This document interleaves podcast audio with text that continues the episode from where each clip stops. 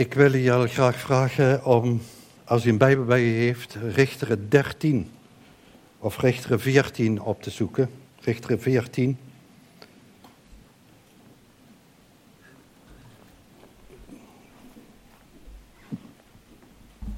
We zullen dat hele hoofdstuk lezen. Even als, voor, als uh, inleiding. We hebben vorige keer hebben we samen nagedacht, twee weken geleden, over de geboorte van Simpson. Voor de gasten in ons midden, ik ben bezig met een hele serie van preken over het boek Richteren. Het boek Richteren, dat eindigt eigenlijk dat iedereen deed wat goed was in eigen ogen. En je ziet in dit hele boek, wordt eigenlijk iets zo ontvouwd over de dingen van, uh, die ook een uh, hele belangrijke rol spelen in onze tijd.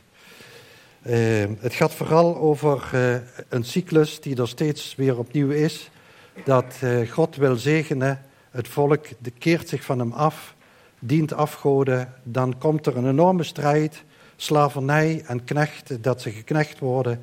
Dan komen ze tot bekering, beleiden hun zonde en dan komt er weer zegen. En dan hoop je eigenlijk in het hele boek dat het op die manier dan zeg maar steeds verder geschreven wordt. Maar zo zijn er uh, twaalf richters in dit boek en elke keer weer opnieuw moet uh, God door iemand aan te stellen en te roepen om het volk weer opnieuw naar zijn vaderhart te brengen. En we zijn nu gekomen aan, het, uh, uh, ja, aan de richter die wordt aangesteld, Simpson. Heel bekende figuur natuurlijk, zijn films over gemaakt. Is allemaal heel erg spannend als je dat eigenlijk een beetje romantiseert, maar zo spannend is het niet. Want de Richter 13, waar we de vorige keer over gesproken hebben, in Richter 13 lijkt een hele speciale aankondiging dat er een geweldige rechter wordt geboren. Er is een engel die dat, uh, die dat aankondigt en een richter, Simpson, die het volk zou gaan bevrijden van de afgoederij en de slavernij van de Filistijnen. En hij draagt ook de tekenen. Die engel zegt hij moet als een Nazareër leven. Een Nazareër die had tekenen, had drie tekenen. Een van die tekenen was dat zijn hoofdhaar niet werd geknipt. Eh, hij mocht niets van de wijnstok drinken, met of zonder alcohol. En hij mocht geen doden aanraken. Eigenlijk waren dat tekenen, en Nazareë leefde in de tegenwoordigheid van God. Je zag aan die tekenen dat het, dat, dat het iemand was die aan God was gewijd. En als je zo'n aankondiging hebt gezien in Richter 13, dan denk je, nu gaat het gebeuren. Dat zal een zeer indrukwekkende persoon zijn. En het tegendeel is waar. Simpson is een zeer gebrekkige persoon. Gewelddadig, impulsief en emotioneel onvolwassen. En het meest verwarrende in het leven van Simpson is wel dat de geest van God gebruik maakt van zijn ergernis, van zijn boosheid, van zijn trots. Het lijkt wel op of de Heilige Geest dat zegent. En daar wil ik met jullie over nadenken. Hoe moet je dat nu duiden? Want God is een heilig God. En eh, daarom heb ik de preek ook genoemd dat God zijn beloftes houdt dwars door de zonde heen. En het kan best wel verwarrend zijn. Ik zal u dadelijk een, een, ehm, een tekst lezen eh, waar ik echt door getroffen werd. En dat heeft me eigenlijk eh, op het spoor gezet om deze preek echt zo met jullie voor te bereiden. Maar we gaan lezen vanaf Richteren 13 vers 25, daar staat dat, dat eh, Simpson is al, zeg maar, uh, het jongetje wordt groot en de Heer zegende hem, staat er in vers 24. En dan staat er, en de geest van de Heer begon hem aan te vuren in Mahandan tussen Zora en Astaal. En dan gaat het verder. Simpson ging naar Timna. Timna is een stad of een dorp in in, bij de Filistijnen. En toen hij in Timna een vrouw uit de dochters van de Filistijnen had gezien, ging hij weer terug om het, met, het zijn vader en zijn moeder te vertellen. Hij zei, ik heb in Timna een vrouw gezien uit de dochters van de Filistijnen. Wel nu, neem haar voor mij tot vrouw. Maar zijn vader zei tegen hem, evenals zijn moeder, is er onder de dochters van je broeders en onder, het, onder heel mijn volk geen vrouw dat je weggaat om een vrouw te nemen van die onbesneden Filistijnen? Maar Simpson zei, tegen zijn vader: Neem haar voor mij, want zij is in mijn ogen de juiste. En nu komt het zinnetje, die, dat vers, waar ik echt een hele tijd over heb nagedacht. Nu wisten zijn vader en zijn moeder niet dat dit van de Here was. Dus dat verlangen naar een, een vrouw uit de Filistijnen, een vrouw die uit dat wat zo beschreven wordt, dat die echt verlangt om met een vrouw van een ander volk te trouwen. Nu wisten zijn vader en zijn moeder niet dat dit van de Here was, dat hij een aanleiding zocht, en dat is de reden tegen de Filistijnen, want de Filistijnen heersten in die tijd over Israël. Zo ging Simson met zijn vader en zijn moeder naar Timna. En toen ze bij de wijngaarden van Timna kwamen, zie, een jonge leeuw kwam met brullend, hem brullend tegemoet. Toen werd de geest van de Heere vaardig over hem, zodat hij hem uiteenscheurde, zoals men een bokje uiteenscheurt, zonder dat hij iets in zijn hand had. Maar hij vertelde zijn vader en moeder niet wat hij gedaan had. Ik kom er dadelijk op terug waarom dat hij dat niet doet. Hij ging verder en sprak met de vrouw. En zij was in Simpsons ogen de juiste. Toen hij na enkele dagen terugkeerde om haar tot vrouw te nemen, week hij van de weg af om het kadaver van de leeuw te zien. En zie, er zat een bijenzwerm in het lichaam van de leeuw, met honing. Hij nam die honing in zijn handen en liep al etende verder. Hij liep naar zijn vader en zijn moeder en gaf hun er wat van, en zij aten ook. Hij vertelde hun echter niet dat hij de honing uit het lichaam van de leeuw genomen had. Kom ik ook op terug, waarom dat hij dat niet doet. Toen ook zijn vader en bij de moeder aangekomen was, richtte Simpson daar een maaltijd aan, want zo deden die jonge mannen. En het gebeurde zodra zij hem zagen, dat zijn dertig metgezellen uitgekozen die bij hem zouden blijven. En Simpson zei tegen hen, laat mij u toch een raadsel opgeven. Als u mij dat binnen zeven dagen van deze bruiloft goed kunt uitleggen en kunt ontdekken wat het betekent, zal ik u dertig stel onderkleren geven en dertig stel bovenklederen. Maar als u het mij niet kunt uitleggen, dan moet u mij dertig stel onderkleren en dertig stel bovenkleren geven. Daarop zeiden zij tegen hem, geef uw raadsel op en laat het ons horen. Hij zei tegen hen, eten kwam uit de eter en zoetigheid kwam uit de sterke. En drie dagen lang konden zij het raadsel niet uitleggen. Toen gebeurde het op de zevende dag dat zij tegen de vrouw van Simpson zeiden, haal uw man over om ons het raadsel uit te leggen. Anders zullen wij u en het huis van uw vader met vuur verbranden. Hebt u ons uitgenodigd om ons ons bezit te ontnemen of zo? Toen ging de vrouw van Simpson bij hem zitten huilen en zei: Je haat mij alleen, maar en houdt niet van mij. Je hebt mijn volksgenoot een opgegeven en het mij niet uitgelegd. En hij zei tegen haar: Zie, ik heb het mijn vader en mijn moeder niet eens uitgelegd. Zou ik het jou dan uitleggen? Zou ik het jou dan wel uitleggen? En ze huilde bij hem op de zevende dag dat zij deze maaltijd hadden. Zo gebeurde het op de zevende dag dat zij het haar uitlegde, dat, zodat hij het haar uitlegde, want ze bleef bij hem aandringen. Vervolgens legde hij het raadsel uit aan haar volksgenoten. Toen zeiden de mannen van de stad tegen hem, op de zevende dag voordat de zon onderging, wat is zoeter dan honing en wat is sterker dan een leeuw? En hij zei tegen hen, als u niet met mijn kalf had geploegd, zou u de betekenis van mijn raadsel niet hebben ontdekt. Toen werd de geest van de Heere vaardig over hem. Hij ging naar Askelonieten en sloeg dertig man van hen dood. Hij nam kleren en gaf één stel daarvan aan elk van hen die het raadsel had uitgelegd. Hij was echter in woede ontstoken en keerde terug naar het huis van zijn vader. En de vrouw van Simpson werd de vrouw van zijn metgezel, die hem vergezeld had. Vader, dit is een lang verhaal, indrukwekkend. En we willen u bidden dat we echt de lessen daaruit mogen trekken, dat ik het goed kan uitleggen, dat het tot onze harten komt. Ik bid u zo dat u zichzelf openbaart in alles, Heer. Wat zijn we toch steeds weer opnieuw afhankelijk van die Heilige Geest. Wil je iedereen echt zegenen in Jezus' naam. Amen. Zoals dit vers begint, is het zo dat Simpson groeit op en hij wordt door de Heilige Geest aangevuurd tot daden. Maar dan wordt, blijkt uit het hele verhaal dat het niet alleen de Heilige Geest is, maar vooral zijn, zijn eigen geest eh, die eigenlijk de overwand heeft. Zijn oog valt op een Filistijns meisje en hij gaat naar zijn ouders en wil dat meisje ten huwelijk vragen. Zijn ouders die protesteren, want dat is eigenlijk een klap in het gezicht voor hen. Dat hij wil trouwen met een meisje van de vijand. En ze zeggen, waarom zoek je nu een bruid bij de onbesneden Filistijnen? En dit woord onbesneden is cruciaal om dit goed te begrijpen.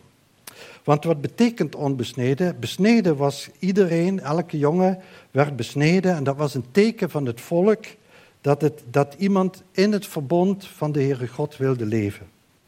Dat hij een relatie met de Heere God wilde. En nu wil Simpson iemand trouwen buiten dit verbond. In Exodus 13, uh, Exodus 34, je moet het thuis maar eens lezen, was er een verbod gegeven om iemand te trouwen buiten dit verbond om. Het was geen verbod om, dat wil ik even kort toelichten, het was niet een verbod om te trouwen met iemand die niet bij Israël hoorde. Dat wordt soms wel eens uitgelegd alsof dat zo is, maar dat, dat, is niet zo.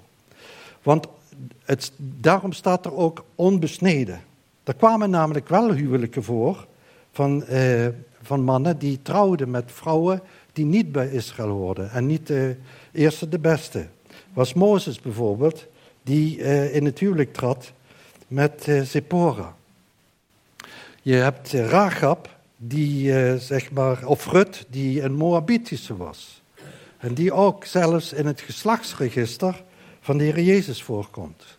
Dan heb je Rahab, die uit Canaan kwam, die hoer die zeg maar ook zelfs in het geslachtsregister van de Heer Jezus voorkomt. Dus het was zo dat deze vrouwen traden wel toe tot dit verbond. En ze hadden een intense en diepe relatie met een schepper. Maar hier zie je dat Simpson echt iemand wil trouwen die komt uit een onbesneden volk. Iemand die niet in de relatie met de Heer Jezus leefde. En wat cruciaal is, is dat er staat, zij is de juiste in mijn ogen. Zij is de juiste in, de ogen, in mijn ogen. En ik sluit nu een heel moeilijk onderwerp aan. Want waarom gebiedt God, eh, Gods woord nu een gelovige geen ongelijk span te gaan vormen? Waarom moet je niet trouwen? Waarom zegt de Heere God dat je niet moet trouwen met een ongelovige? En zoals ik al zei, ik ben me ontzettend bewust dat ik nu echt een spannend onderwerp ga aansnijden. Maar dat zal ik ook heel erg tot jullie uh, een beetje uitleggen. In 2 Korinthe 6, vers 14 tot met 16, daar staat... Vorm geen ongelijk span met ongelovigen, want wat heeft gerechtigheid gemeenschappelijk met wetteloosheid? En welke gemeenschap is er tussen licht en duisternis? En welke overeenstemming is er tussen Christus en Belial? Of wat deelt een gelovige met een ongelovige? Een span duidt op een relatie.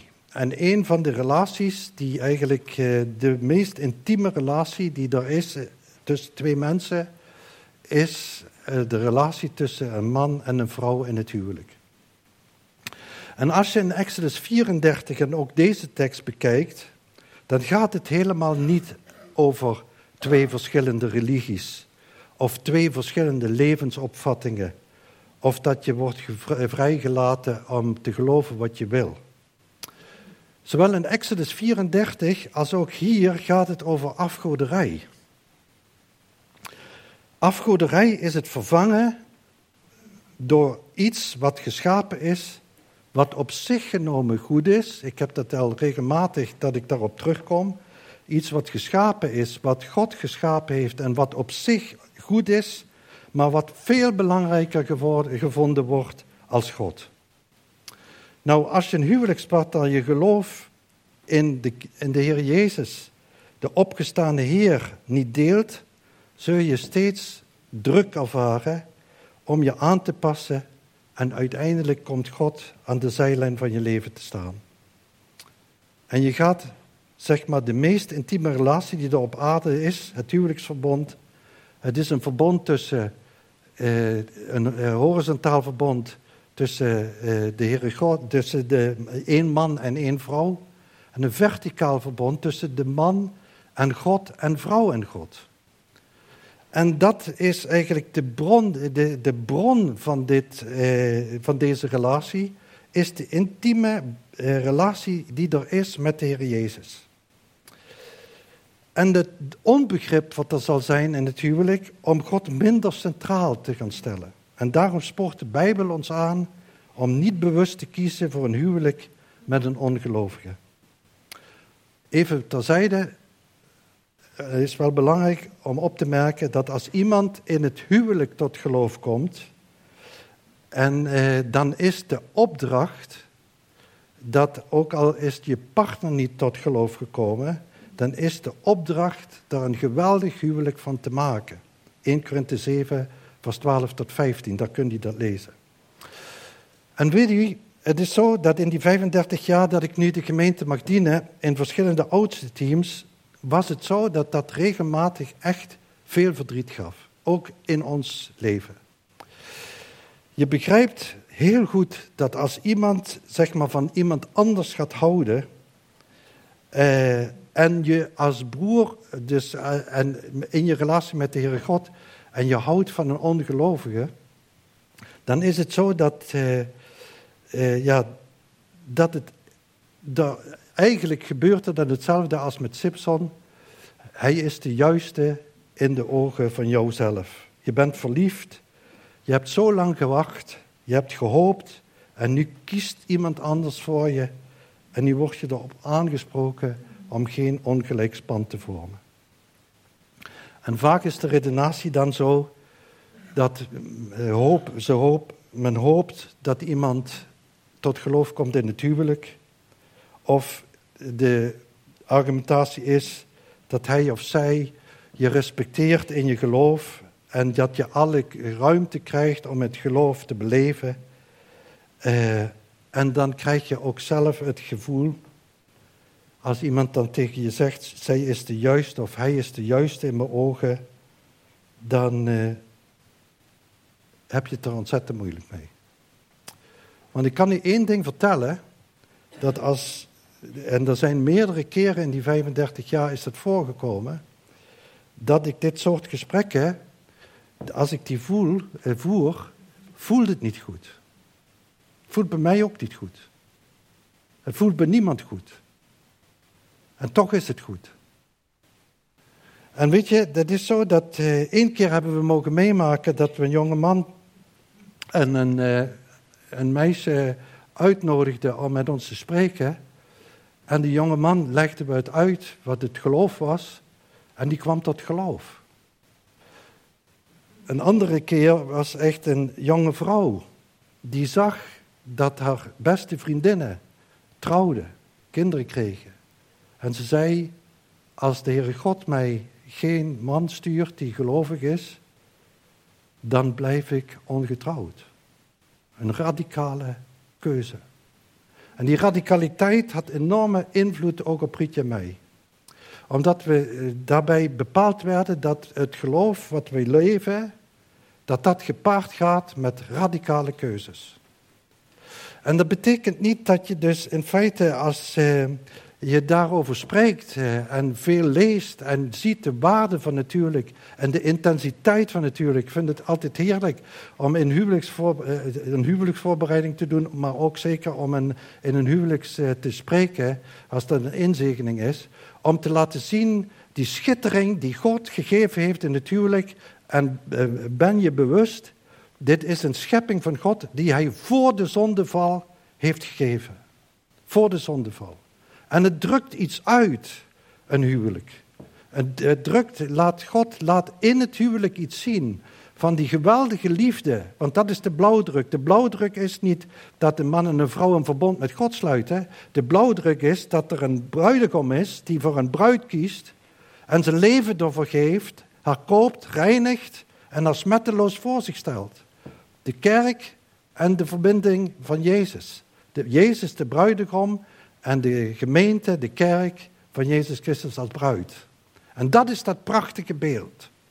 En daarvoor is het zo dat je zegt van Heere God, ik wil u daarin volgen, hoe moeilijk het ook is. Hoe moeilijk dat het ook is. En Simpson, die lapt het hele, gebouw, eh, dat hele gebeuren lapt hij aan zijn laars. Hij eh, gaat trouwen met een ongelovige. En een van de belangrijkste redenen is dat de Filistijnen, die woonden te midden van Israël en heersten over Israël. Maar die bezetting die was vreedzaam. De Israëlieten hadden zich aangepast. Er was geen druk van de bezetter.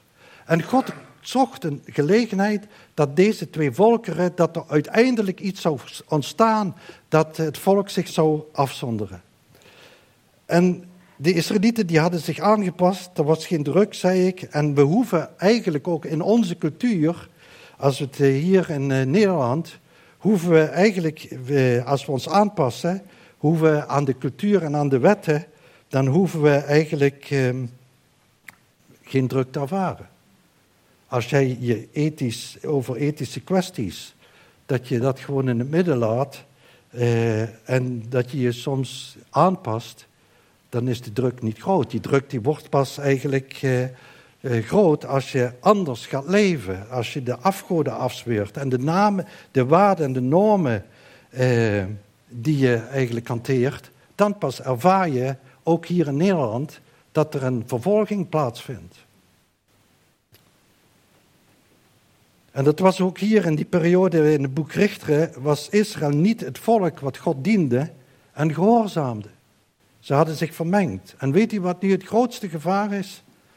Dat zie je ook bij Nehemia, zie je het gebeuren. Steeds weer opnieuw is het zo dat er eigenlijk eh, zeg maar gezegd werd, als je dit volk aanpakt, als je dit volk wil aanpakken, dan kun je dat eigenlijk alleen maar doen omdat het zo beschermd is door de Heere God, kun je dat alleen maar doen door te infiltreren met, buiten, met uh, relaties die God niet dienen. Want als je dan doorgaat en doorgaat, en dat zie je hier ook, dat is eigenlijk eh, bij Nehemia zie je dat eigenlijk eh, ook eh, gebeuren, dat de kinderen van Israël spraken geen Hebreeuws meer. Ze, spraken de taal van Canaan. En dat betekent gewoon, als je dat doorredeneert, ze konden de Bijbel niet meer lezen. Ze konden het Hebreeuws niet lezen. Ze konden Gods woord niet meer verstaan. En uiteindelijk zou het dan zo zijn, zoals ik, eh, als je suiker oplost in water, dat het gewoon niet meer zichtbaar is. Dat het volk gewoon uitgevloeid was en dat er geen enkele eh, manier meer was dat de Messias geboren werd. Uit dit volk, want daar gaat het eigenlijk steeds om. Dat uit het volk er een verlosser moest komen die voor u en voor mij verlossing bracht en heiliging. En dat zie je hier in dit grote gevaar, dat, zeg maar, eh, dat er een vermenging op gaat treden en dat Gods volk, als God dat toelaat en door laat gelopen, dat het uiteindelijk geen volk Israël meer is. Het is een groot wonder. Het is een groot wonder als je, zeg maar, 70 jaar na Christus werd het volk verspreid, totaal uiteengeslagen. En ik weet zeker dat als eh, dat in Nederland zou zijn gebeurd, eh, dan zou het Nederlandse volk niet meer bestaan. Dan hadden we ons vermengd en dan was er geen enkele Nederlander meer te vinden. En dan zie je in 1948, dus eh, bijna 2000 jaar later, dat er een staat in één dag geboren wordt. De staat Israël. En dat uit alle hoeken en einden en verre het volk weer terugkomt. Het heeft zich bewaard. God heeft zich een volk bewaard, een overblijfsel bewaard. En dat is zeer indrukwekkend. En Simpson is een man die alle geboden en zijn roeping compleet schendt. Hij dwingt als het ware zijn ouders om in te stemmen met het huwelijk met een niet-gelovige. Dan komt hij oog in oog te staan met een jonge leeuw. De dood, hij doodt deze, maar dat betekent dat hij als Nazareër onrein is. Hij had een lijk in handen gehad. En voor deze onverwachte situatie was er in de wet ook iets voorzien dat hij moest reinigen, eh, zeg maar, hij moest zich reinigen, maar Simpson had daar lak aan. Hij verzwijgt het gebeuren. Hij zegt het niet tegen zijn ouders. Want dan heeft hij ook niet dat hij terug zou moeten naar de tempel om zich daar te reinigen. Dan, eh, de derde keer als hij naar Timna gaat, is dat om zich een bruid, om die bruid te nemen. Hij wijkt af van de weg. Wat er met die leeuw is gebeurd, wil hij eigenlijk graag zien. En het lijk van die leeuw zit vol met bijen en honing. En met de blote handen neemt hij de honing uit het dode lichaam. En weer maakt hem die handeling onrein. En weer verzwijgt hij het tegen zijn ouders. En geeft hen van die honing. En daarmee verontreinigen de ouders zichzelf ook, zonder dat ze het weten. Kijk, je kunt nog zeggen van de eerste keer als die jongen leven ziet, dan is dat onverwacht, onverwacht en is dat overwacht. Maar hier zie je gewoon dat het gewoon een uit vrije wil is. Hij deelt die honing met zijn ouders. Hij gaat extra die weg om te kijken wat er eigenlijk met die leeuw gebeurd is. En dan richt Simpson ter ere van het bruiloft een feest aan. En dan staat er niet voor niets, zoals de jonge mannen dat doen, in vers 10. Het feest duurt zeven dagen. Het alcohol zal, eh, heeft al zeker rijkelijk gevloeid. Daarom staat er ook zeven dagen feest, zoals de jonge mannen doen.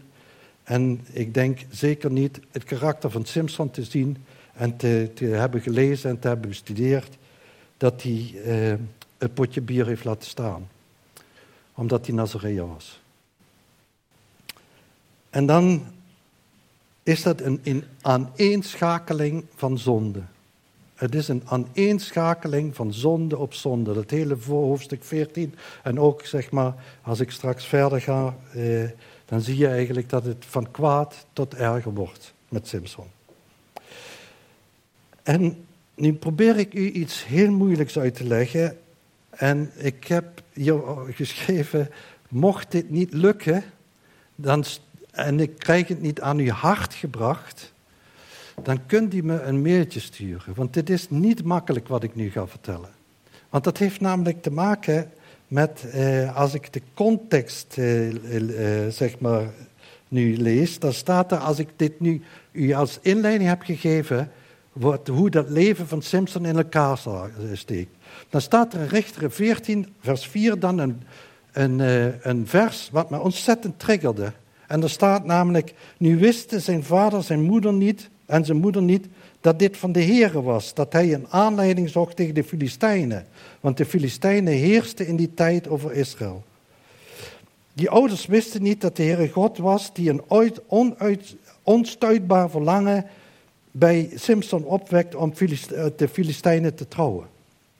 Dat God hierop aanstuurt.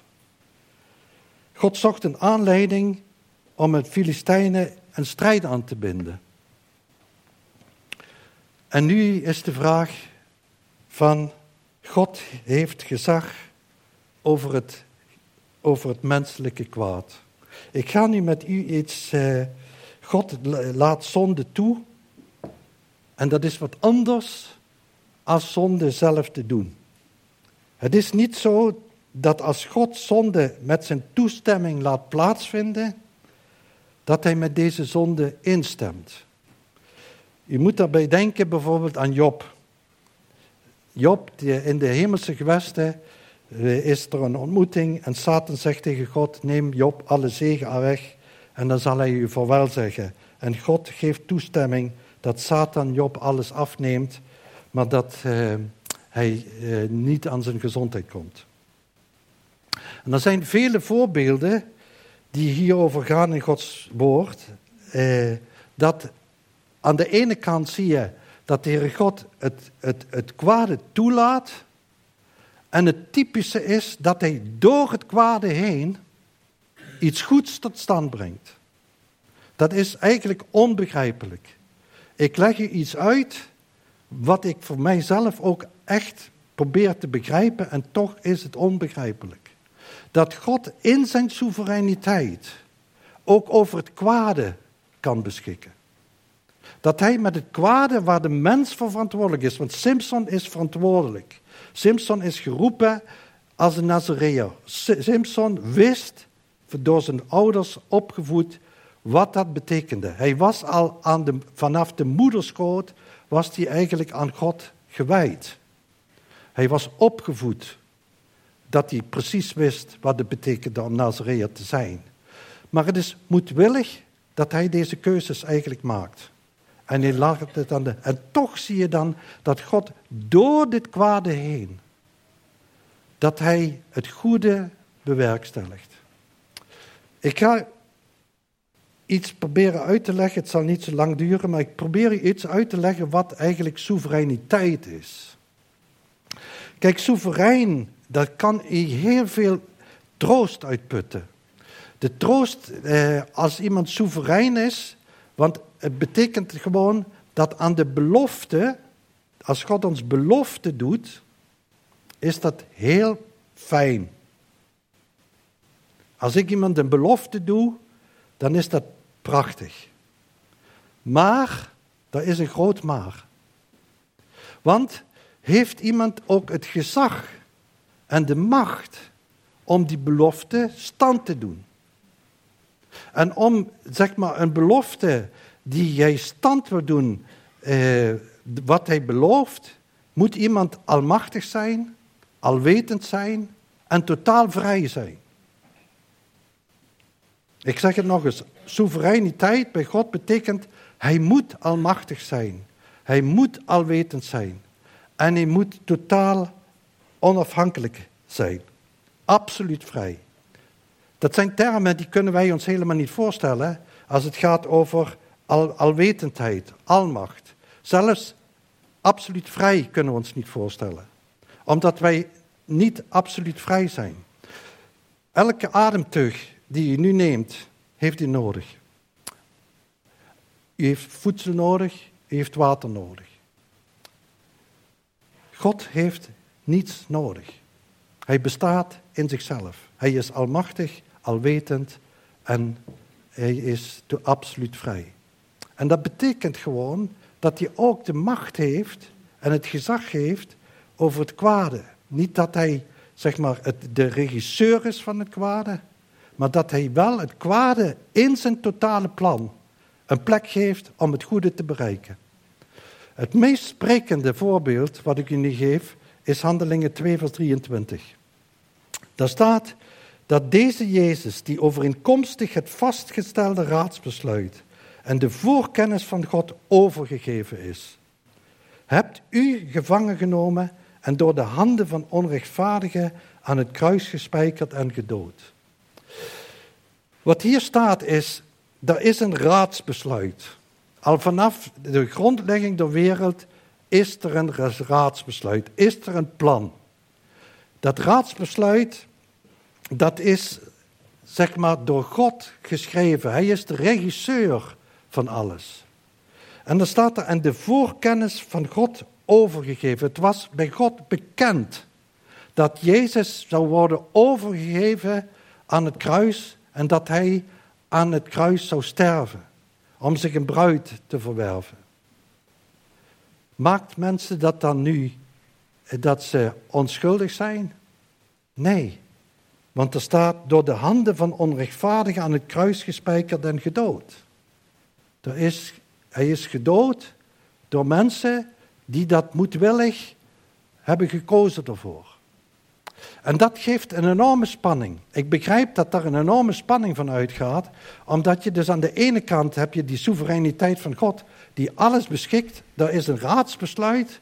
Aan de andere kant overkomen u dingen, want dat is het grote probleem. Als het nu gaat, ik ben het nu eigenlijk aan het beschouwen, maar als het heel erg treft in uw leven, dat er iets heel ingrijpends gebeurt, dat je denkt, oh God, zou het niet op een andere manier hebben gekund? Oh Vader, waarom heeft u ons daar niet voor beschermd? Dan is het zo dat, dat, dat aan de ene kant is het God die een raadsbesluit gegeven heeft, gegeven heeft, aan de andere kant toch de mens zelf verantwoordelijk. Toch onderhevig aan de zondeval. Toch onderhevig aan de gebrokenheid van de schepping. En dat is iets wat, waar je eigenlijk heel veel troost uit kunt putten. Daar kun je heel veel troost uit putten. Waarom kun je dat, dat ondanks de zonde en dwars door het verdriet en het grote rouwproces heen, is God in staat om zich aan de belofte te houden. Dat is zo, zo, ja, zo overweldigend. Dat, dat geeft zo'n enorme hoop dat je weet van Heere God, daar zijn mensen voor verantwoordelijk. Dit gebeurt in mijn leven. En toch, Heer, bent u soeverein. U heeft niet het kwade gewild. U bent ook niet de, de regisseur van het kwade. Maar u heerst wel over het kwade. Het gebeurt me niet zomaar. Het gebeurt me niet zomaar. Want dan zou mijn leven echt op losse schroeven staan. Dan zou, ik, zou het van toeval afhangen. Dan zouden me dingen kunnen gebeuren waar hij niet de macht en het gezag over heeft. En dat is heel eng. Dat is voor mij veel te eng. En dan is het zo dat ik kies ervoor om te zeggen van Heere God, ik begrijp het niet. Ik probeer het te vatten. Maar ik begrijp het niet. Maar wat de troost die me dat geeft, is dat u door iets wat gebroken is, wat zondig is, wat eigenlijk mij diep raakt in mijn, in mijn diepe, in mijn hart, in mijn ziel, toch kan er iets goeds uit voortkomen. Ook al zie ik het niet, ook al begrijp ik het niet. En uw verlossing, die is afhankelijk, echt afhankelijk van de soevereiniteit van God. Kijk, we hebben de belofte dat ieder die in Christus gelooft eeuwig leven heeft en niet verloren gaat. Dat is een belofte die God gedaan heeft. Maar er is een maar. Om die belofte te doen, zou die, moet die alwetend zijn, moet die almachtig zijn, moet die absoluut vrij zijn. En kan niemand meer dit beïnvloeden.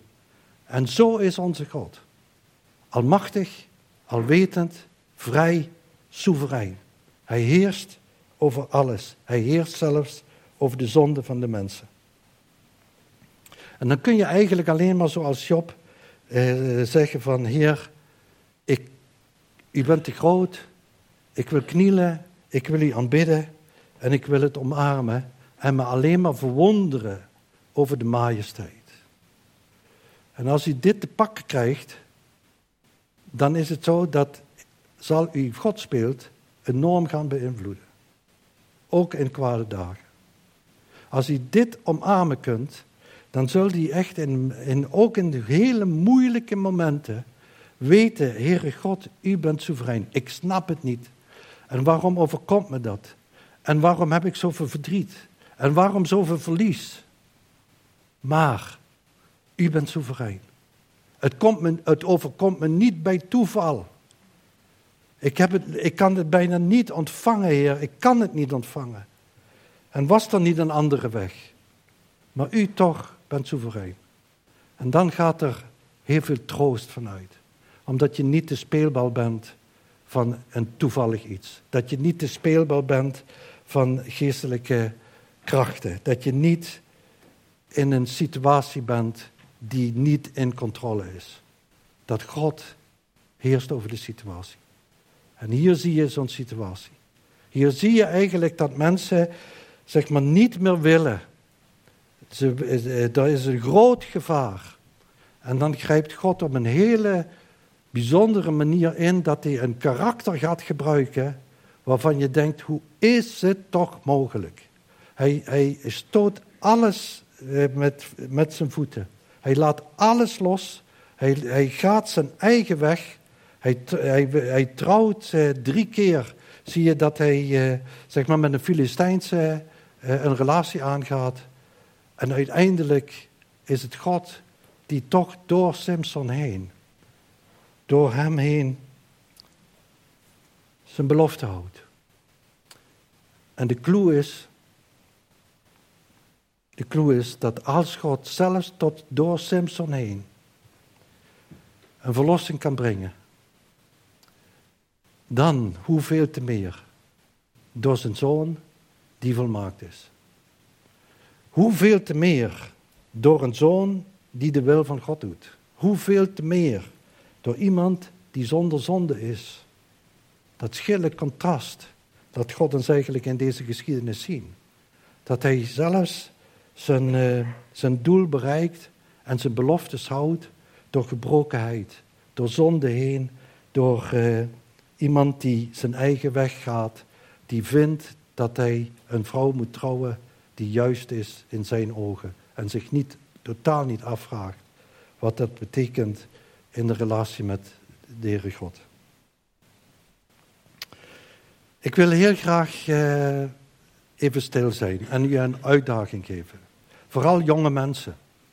Ik wil vooral ook als er op internet geluisterd wordt of gekeken wordt, dan wil ik echt heel erg graag ook echt jonge mensen die alleen gaan zijn en in een situatie zijn nu waarin ze eigenlijk uh, een keuze moeten maken die ontzettend uh, ingrijpend voor je leven zal zijn. En dan is het zo dat je bent tot over de oren verliefd. Het enige mankement uh, wat je dan denkt is goed, het komt wel goed. Hij gelooft niet in Jezus Christus. En ik hoop dat hij dan tot geloof komt. En ook al is het juist in de ogen van jezelf. De mensen die je aanspreken erop, die hebben zelf diezelfde verdriet daarvan. Om je daarover aan te spreken. Het voelt niet goed om iemand daarop aan te spreken. Dat je geen ongelijk span moet vormen met een ongelovige. Maar soms zijn er eh, momenten dat ik eh, niet anders kan. Niet anders kan. Met de grote moeite die ik daarbij heb. Ook het verdriet wat ik kan indenken dat als je zo lang gewacht hebt op iemand en eindelijk kiest iemand voor je, dat je dan denkt, Heer, het is juist in mijn ogen. En God wil je leven geven, een, een, een heel bijzonder relatie wil die geven. Hij wil ons zegenen, hij wil ons een hoopvolle toekomst geven. En dat is niet alleen voor de eeuwigheid, dat is ook hier al, in de keuzes die we maken. En ik wil je echt roepen, echt oproepen, om uh, in deze momenten van stilte als ik bid, dat je de Heer God een commitment geeft. En zegt, Heer, heeft me zo aangesproken, ik wil me echt uitstrekken naar een relatie die uh, u eert en die u echt kunt zegenen. Ik wil me uitstrekken naar iemand die u ook kent. En daarmee wil ik een span vormen. Ik wil geen ongelijk span vormen. Laten we zo even bidden. Vader, er zijn veel jongeren, ook nu onder ons gehoor. En de moeite die er is in onze cultuur en overal waar ze mee gebombardeerd worden, als het gaat over relaties, over huwelijk, over gezin, over man en vrouw. Heere God, het is zo ongelooflijk verwarrend allemaal. En ik wil u zo bidden dat we teruggaan naar de bron die u gegeven heeft. Een boek. Een boek waarin u spreekt tot onze harten en dat u een hoopvolle toekomst wilt geven. En dat we ook al is het soms moeilijk en heeft het te maken met een radicale keuze die ons pijn doet, die ons verdriet doet. Maar we willen geen afgoden in ons leven. We willen niks vervangen. We willen ons richten op U. En vader, ook wil ik bidden, als het gaat over uw soevereiniteit, dat degenen die veel verlies hebben geleden, en veel moeite kennen in hun leven. Onbegrijpelijke zaken zijn er gebeurd. Dat er een enorme troost van uitgaat dat u alwetend, almachtig, totaal soeverein bent. En ook al zien we het niet en weten we het niet, toch weten we dat u door al deze gebrokenheid en al dat leed tot die doel komt.